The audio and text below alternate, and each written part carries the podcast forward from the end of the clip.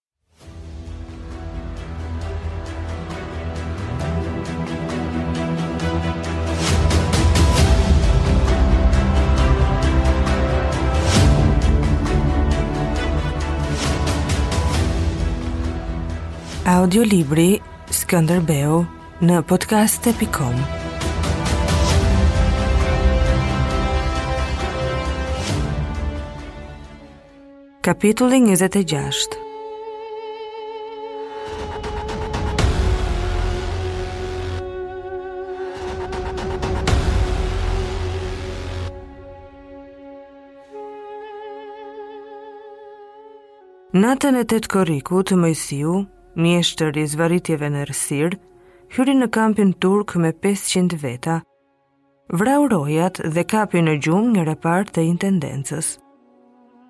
U krijua një përstillim dhe u ngrit thirrja, Skënderbeu. Po shpejt u vu në rregull dhe Moisiu u tërhoq pa arritur të merrte as gjysmën e plaçkës. Kjo ngjante në zonën e Vorës, ku ishin mbledhur sasi të mëdha të furnizimeve. por pa u vendosur qetësia ende, plasi një shamatë e madhe në lindje nga ana e Tiranës. Këtë herë ishte vetë Skënderbeu, që kapërceu gardhet me 2000 kalorës dhe ra drejt mbi çadrat e ushtrisë me vrap të pandalur.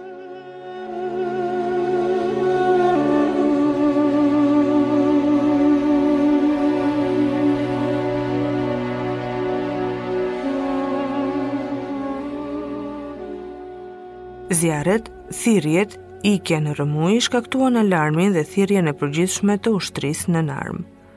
Kur zbardhi dita, u pa se ishte shkatërruar fushimi nga lindja në një gjerësi prej 1500 hapash. Kishin mbetur 300 të vrarë dhe ishin marrë robër 20 vetë.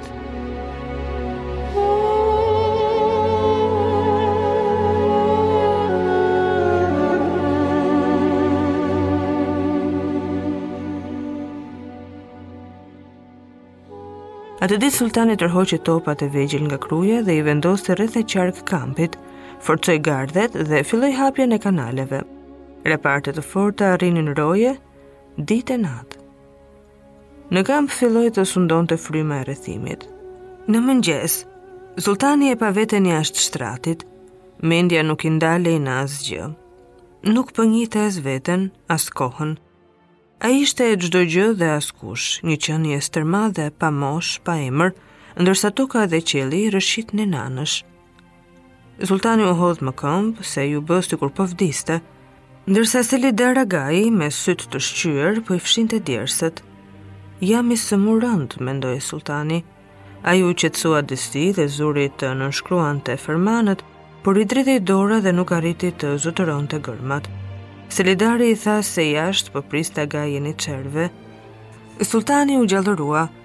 Dhe ndofta kjo lidhej me ardhjen e mikut të tij, Kurraqi Beut, i oxhakut të Jeniçerëve. Po përse ky të kishte ardhur aty i paftuar?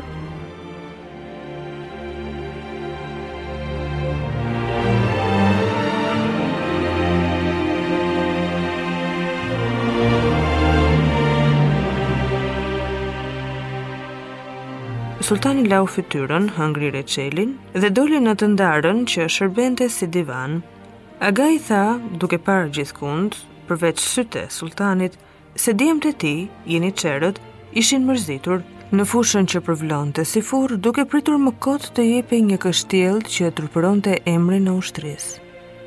Sulltani kuptoi, çadra e madhe veshur me astar mëndafshi të dyfishtë, e mbronte nga dielli i korrikut, por ai ndiente zagushi, mungesë ajri, Në sytë e sulltanit shndriti kazani i argjendtë i jeniçerëve, emblemë e fuqisë së tyre, varur në shtyllën përpara çadrës së Agait.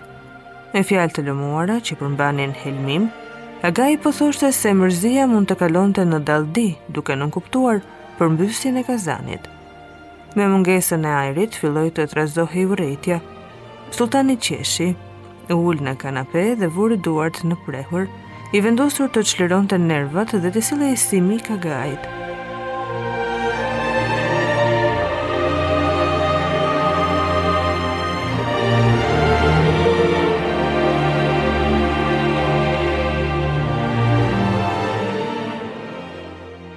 Agai s'kishte faj, 80 vjet më parë, në agimin e shtetit turk, kur Aladini i mençur deshi të themelonte të parën ushtri të përhershme dhe të paguar, Kera Halil Çenderliu, kryegjykatësi, kishte thënë: I munduri është skllav i fituesit me jetën, pasurinë dhe familjen, Dhe profeti ka shkruar se çdo fëmijë që vjen në botë sjell me vete shpirtin e Islamit. Le të jenë bijtë e skllevërve të krishterë jeniçeri, ushtri e re.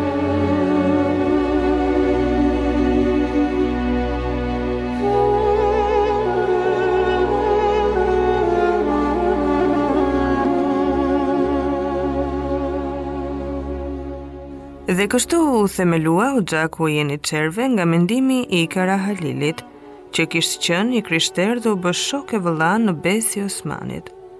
Ai nuk e dinte se ç'kular po vinte në qafë të perandorisë.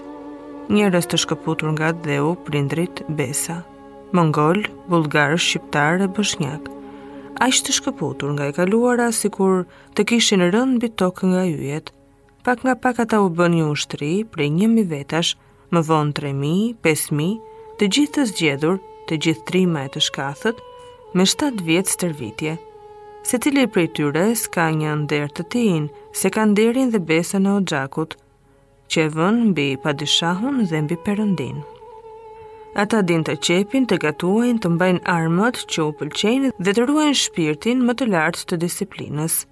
Marrin avdes tri herë në ditë këta ushtarë të vdekjes. Nuk martohen, nuk pinë, nuk grinden kurrë. 20 joldashë shokë të lidhur me fije peri. Me forcën e tyre morale, ata thyejnë çdo shpifje dhe çdo kundërshtar. Ata rendin vetëm pas plaçkës së zgjedhur, arit, lavdisë dhe çunave të bukur. Kur ndonjëherë Nuk janë sjellë në faqe të dheut shpirtra kaq të humbur, e sa të besës aq të rrezikshëm. Janë të qeverisur dhe nuk nënshtrohen asnjë ligji, asnjë ndëshkimi përveç atyre që vijnë nga oxhaku.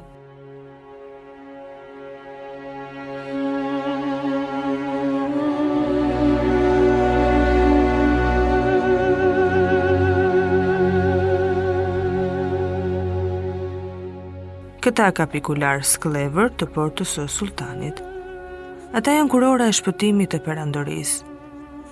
Por mund edhe ta përmbysin kazanin, kur nuk u pëlqen gjella dhe t'i vënë zjarrin kryeqytetit. Ata e mbrojnë sultanin me dashurinë më fanatike, po mund edhe t'i hanë kokën, po t'u dojë qejfi. Dhe për dashurinë e tyre, sultani duhet t'i paguajë secilit pesë aspra në ditë, aq sa një gruaje të haremit dhe t'u bëjë dhurata ditën e parë të Bajramit, sidomos kur froni nuk qëndron mirë. Kazani i tyre i argjendtë në hurin e lartë thithte e shpërndante rreze si një lëmsh që digjet në thellësi dhe zotëronte kampin. Djemtë që Allahu i pastë nën krahun e tij kanë të drejtë. Kështjella do të merret, dita e sulmit do të shënohet me hënën e re, tha sultani. Agai i fiksoi sytë mbi ballin e zverdhur të sulltanit dhe vuri dorën në zemër. Sulltani mendjehollë, nuk i mbante mëri. Pas dreke ata prapë do të këmbenin ndonjë shaka, kur të dilnin për të dëgjuar bandën e jeniçerëve me 124 daule, defe, zurna e bori, sepse ata i binin bandës çdo pasdite para çadrës perandorake. Në mëngjesin e gjashtëmbëdhjetë korrikut, Sulltani rrinte përsëri para kështjellës kryeneçe, të shtrëmbruar nga rrahja e hekurit që mbahej vetëm me shpirtin e saj të errët.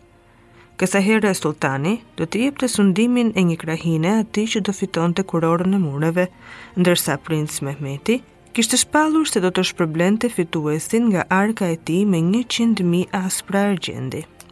Krisën njëherësh topat e mëdhenj dhe muret përreth portës u mbuluan me tym. Po frynte erë e lehtë nga jugu dhe pamja u kthjellua. Me heshtjen e saj, kështjella kërcënohej të fundosej e të mos jepej, duke marrë me vete ata që i kishin vënë dorën sipër. Ushtarët u hodhën poshtë me thirrje të dobëta që u dilnin nga koka, jo nga gjoksi. Sulmin e dytë do ta bënin këmbazanët, shpirt humburit dhe divaneganët të çmendurit. Këta ishin vullnetarët e vdekjes, të dalë nga radhët e jeniçerëve të betuar të mos ktheheshin prapa. Kështjella rrokulliste gurët dhe derdhte rëshirë. Dielli përvëlonte tokën, ajo ishte nxehur si furrë dhe nuk i duronte shkallët. Topat e saj rrihnin me maraz. Kështjella gulçonte dhe rriste fuqinë duke u shndërruar e tëra në zjarr. Pastaj lufta ra. Kështjella pushoi dhe në ullishta filluan sërisht këngën gjinkallat. Para sulltanit hodhën disa koka të armiqve të vrarë në bedena. Ishin e vetmja trofe që mundën të tërhiqnin poshtë këmbazanët dhe divaneganët. Sulltani shikonte kokat me flokët e gjata që duhej t'u binin mbi supe, me fytyrat ngjyrë gruri, të habitura, të inatosura ose të ngrira, siç i kishte zënë çasti i vdekjes. Nofullat i mbanin të shtrënguara, sikur të mos kishin folur kurrë. Çfarë lloji janë këta? pyeti sulltani veten.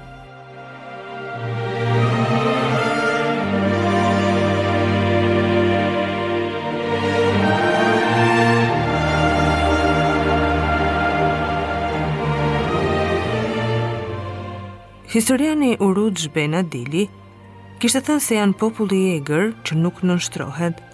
Ata kishin një gjuhë të ndryshme nga fqinjët dhe një të kaluar të largët, Por lidhjet ishin prerë prej kohësh dhe ata jetonin të kaluarën e të tashmen brenda fisit me zakonet e besës që i kanë të shenjta. Sulltanit po ato i dukeshin si kokë fëmijësh të rritur në luftë e sipër dhe secili prej tyre në çastin e vdekjes e kishte ndier veten mbret dhe asgjë nuk dinte për jetën. Si mund të jetë njeriu kaq i zhveshur dhe kaq krenar? Sulltani u lodh së menduari dhe aty vazhdonin të thoshin fjalë dhe të hidhnin të tjera ngatërronin kokë, sikur ky të ishte ushqimi që do ta mbante dhe do t'i shtonte oreksin. Në orën tre pasdite, zhurma e luftës kishte pushuar. Gjinkallat e brenin pyllin, dielli ngrinte në ajër rrathë avulli të bardhë, toka bënte një banjë të thatë. Ushtarët gulçonin ndenjur, djersa u kalonte mbi djersë, dhe askush nuk dinte se ç'bënte aty. Ushtria mund të rrokullisej poshtë dhe njëherë, por s'kish fuqi t'i ngjitej kështjellës. Krisën topat.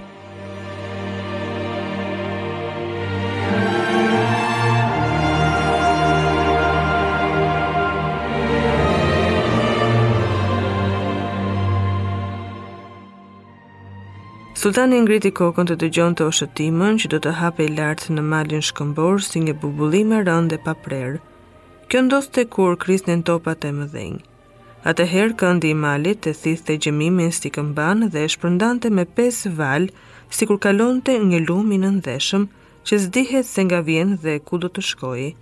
Do të kalonin dy orë të tjera përpara se topat e mëdhenj të mbusheshin e të zbrazeshin prapë.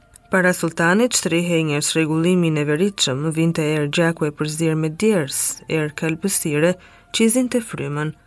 Oficirë të shumtë silleshin poshtë e lartë me fytyrat ngjyrë dheu, që të gjithë të zënë me punë, dhe asnjëri nuk dinte se ç'bënte. Qentë, mendoi sulltani. I kishte mbledhur tok me kamxhik nga ana e anës dhe i kishte çuar përpara duke u dhënë zemër me daule, gjithnjë duke u dhuruar si plaçkë vendin që pushtonin. Por aty kishin ngecur pa shpresë plaçke e fitoreje dhe kishin humbur mendjen. Në orën 5, sultani u ngrit me mendimin e qartë se kështjella nuk merrej me sulm dhe se ajo po godiste shpirtin e ushtrisë. Dy muaj e dy ditë, sultani ishte ndalur përpara Krujës, si ai kolosi i përrallës që u mbyt me bërthamën e hurmës. Tani ai do të shkonte poshtë dhe natën do të tërhiqnin kufomat e 3000 të vrarëve me kot. Ajo paskej qenë një kështjellë tepër e vështirë për t'u sulmuar, por asnjë kështjellë nuk i qëndronte urisë. Ai do të shtrëngonte rrethimin dhe në të njëjtën kohë do të kërkonte mjete të tjera për ta mposhtur. Atë ditë, Vrana Konti pati 200 të vrarë.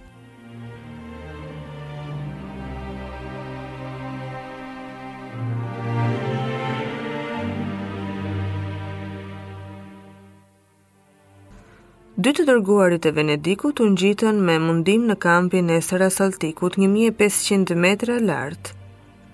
Ata iu qanë Skënderbeut se dy tregtarë të Republikës i kishin plaçkitur dhe grirë me shpata kur po ktheheshin për në Shkodër. Të dërguarit kërkuan dëmshpërblim edhe sigurimin e kalimit të tregtarëve në tokën e Arbërisë sipas traktatit të paqes midis dy vendeve të vitit 1448. Skënderbeu shikoi jashtë tendës si për të kërkuar fjalët. Në kohë lufte edhe nën pushtimin armik nuk përgjigjem për atë që mund të ngjajë në këtë vend të shkretuar, tha ai. Kjo nuk ndihmon marrëdhëniet e fqinjësisë. Ne ju paguajmë pensionin dhe respektojmë traktatin, thanë delegatët.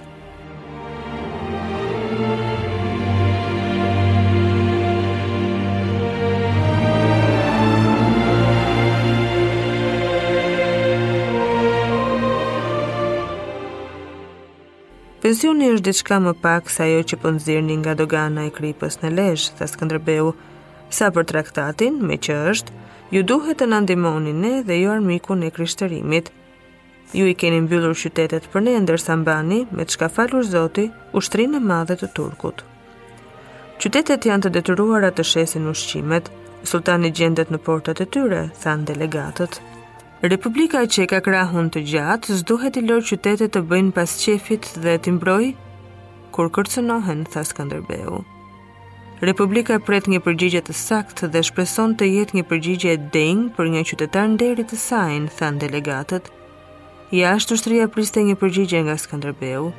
Në asnjë kohë, as në ditën e marshimeve dhe të rreziqeve të mëdha, ai nuk kishte dëgjuar një murmurim të tillë pakënaqësie në ushtri.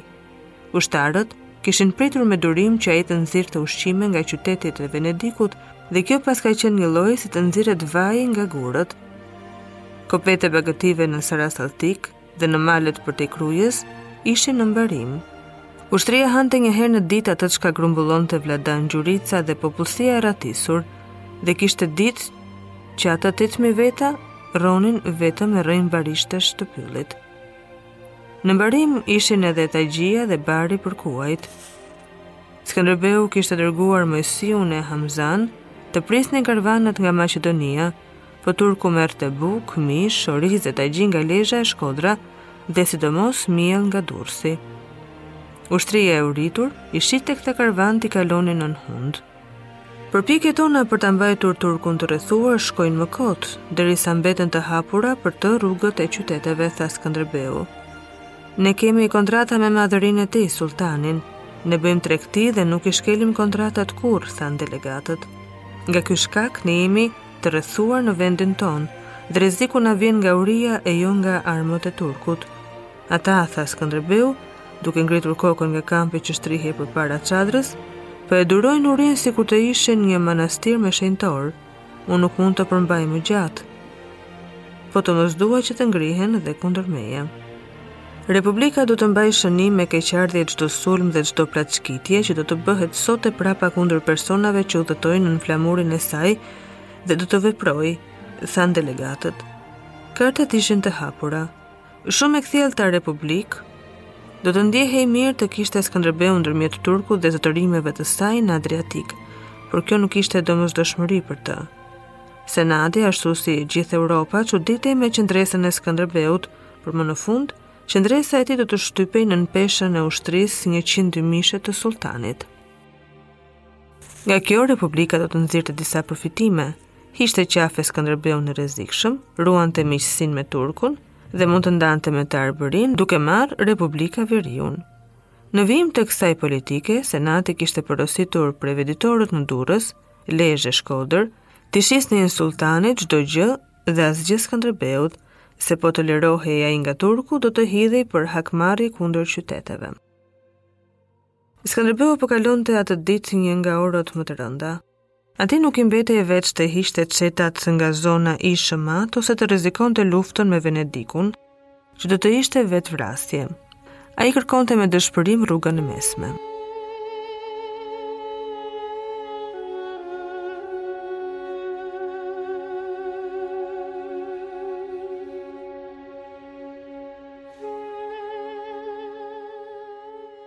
Ju duhet t'i drejtoheni sultanit që të shoqërojë karvanet nga kufiri juaj në kamp dhe nuk mund të kaloni në tokën tonë për t'i dhënë atij ndihmë të hapur. Ambasadorët e mi do të njoftojnë për këtë vendim të gjitha shtetet mike, tha Skënderbeu. Në sulmet e mundshme kundër trupave të shoqërimit, a do të ndalet ushtria juaj përpara karvaneve të tregtarëve? pyetën delegatët. Besoj se ushtria do të kufizohet të kthejë karvanet, u përgjigj Skënderbeu. Natën e 30 korrikut, Skënderbeu priti në lumin e Matit kalorësinë turke prej 2000 vetësh që shkonte në Lezhë, e theu dhe e ndoqi afër kampit. Gjendja e ushqimeve filloi të bëhej e rrezikshme për sultanin, por gjendja e Skënderbeut mbetej edhe më e vështirë. Senati dhe Këshilli i Vogël mund të gëzoheshin se kishin lënë Skënderbeun të vetëm para kuçedrës dhe si gjithnjë